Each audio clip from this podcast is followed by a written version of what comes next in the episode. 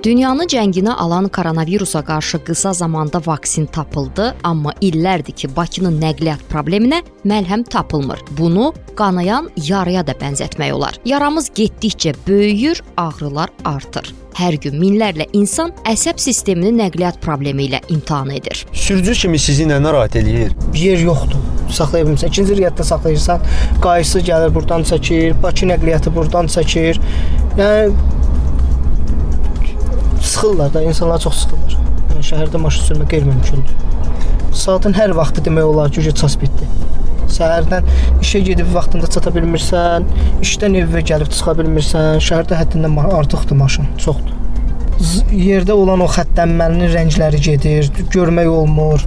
Sizi sürücü kimi nə narahat eləyir? Hansı problemlər var? Məni narahat edən çox sıxlıqdır, şəhər çox sıxlıqdır. Sürmək olmur.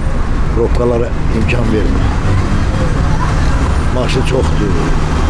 Bütün əhali Bakıdadır. Bilən də sürün bilməyən də qalırsa adam bilmirsən nə edir. Problem təkcə sürücüləri cənginə almayıb. Sərnişinlərin də çoxlu sayda şikayətləri var. Avtobusda sıxlıq yaranır, avtobus qıtlıqdır. Məsəl üçün bir marşrutu bəlkə bir 45 dəqiqə gözləyirsən, gəlib çıxmır. Yol sıxlığı yaranır. Avtobus gecikmələri çoxdur. Yəni gec-gec gəlirlər. Havasızlıq olur ən çox avtobuslarda.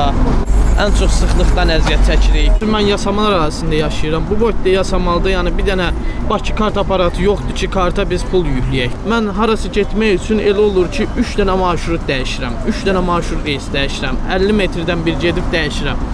Yəni elə reyslər açılsın ki, birbaşa işləyən olsun da, yəni rahatçılıq olsun. Metroda da ən çox çox sıxlıq olur. Metro tez-tez gəlsə insan çoxalmaz metronun qarşısında. tormuz verir, qaz verir. Təzyiq olan adam, mənim şəxsən təzyiqim var. Avtobusdan 2 astanovka gedim, gərək 2-3 dənə təzyiqlər mənə. Evlə laxladır adam çaladır. Yəni avtobusun özü pis vəziyyətdədir. Sireniydə otursan, tormuz verir, getsən qabaqdakına dəyirsən. Sıxlıq gözləmə çox olur. Vəbşi ondan sonra demək olar 165 heç işləmir. Retko olar 11-də 1 saat gələ gözləsən, ondan sonra gedəsən. Nəqliyyat problemi hökumət səviyyəsində də qaldırılıb. Baş nazir Əli Əsədov bu sahənin vəziyyəti ilə bağlı müşavirə keçirib. Aidiyyatı qurumların rəhbərlərinin məruzələri dinlənilib, mövcud problemlər geniş müzakirə olunub, qarşıda duran vəzifələrin həlli ilə bağlı müvafiq tapşırıqlar verilib. Lakin müzakirələrin, tapşırıqların detalları ilə bağlı ictimaiyyətə ətraflı məlumat verilməyib. Yol nəqliyyat infrastrukturu ilə bağlı ən böyük problemimiz vahid mərkəzləşdirilmiş koordinasiya olunan fəaliyyətin mövcud olmamasıdır. Bu səbəbdən daha çevik və daimi fəaliyyət göstərən mərkəzləşdirilmiş koordinasiya edən bir qurum yaradılmalıdır. Yol hərəkət təhlükəsinə dair dövlət proqramında bu nəzərdə tutulub. Yer gəlmişkən həmin proqramın icrasından hər hansısa bir görüntü yoxdur. O proqram qalıb ortalıqda kağız üzərində. O proqramda əslində bu gün gördüyümüz problemlərin hamısı təsbit olunub və onlardan çıxış yolları ümumi şəkildə göstərilib. Məsələn, o proqramda göstərilib ki, bizim ölkəmizin bütün şəhərlərində, xüsusən də paytaxt Bakıda mobillik planı olmalıdır. Mobillik planda bax əslində gördüyümüz tıxacları, ictimai nəqliyyatla bağlı problemləri və digər problemləri aradan qaldıra biləcək müddəaları təsbit etməlidir və həmin müddəalar əsasında perspektivə yönəlmiş konkret işlər görülməlidir.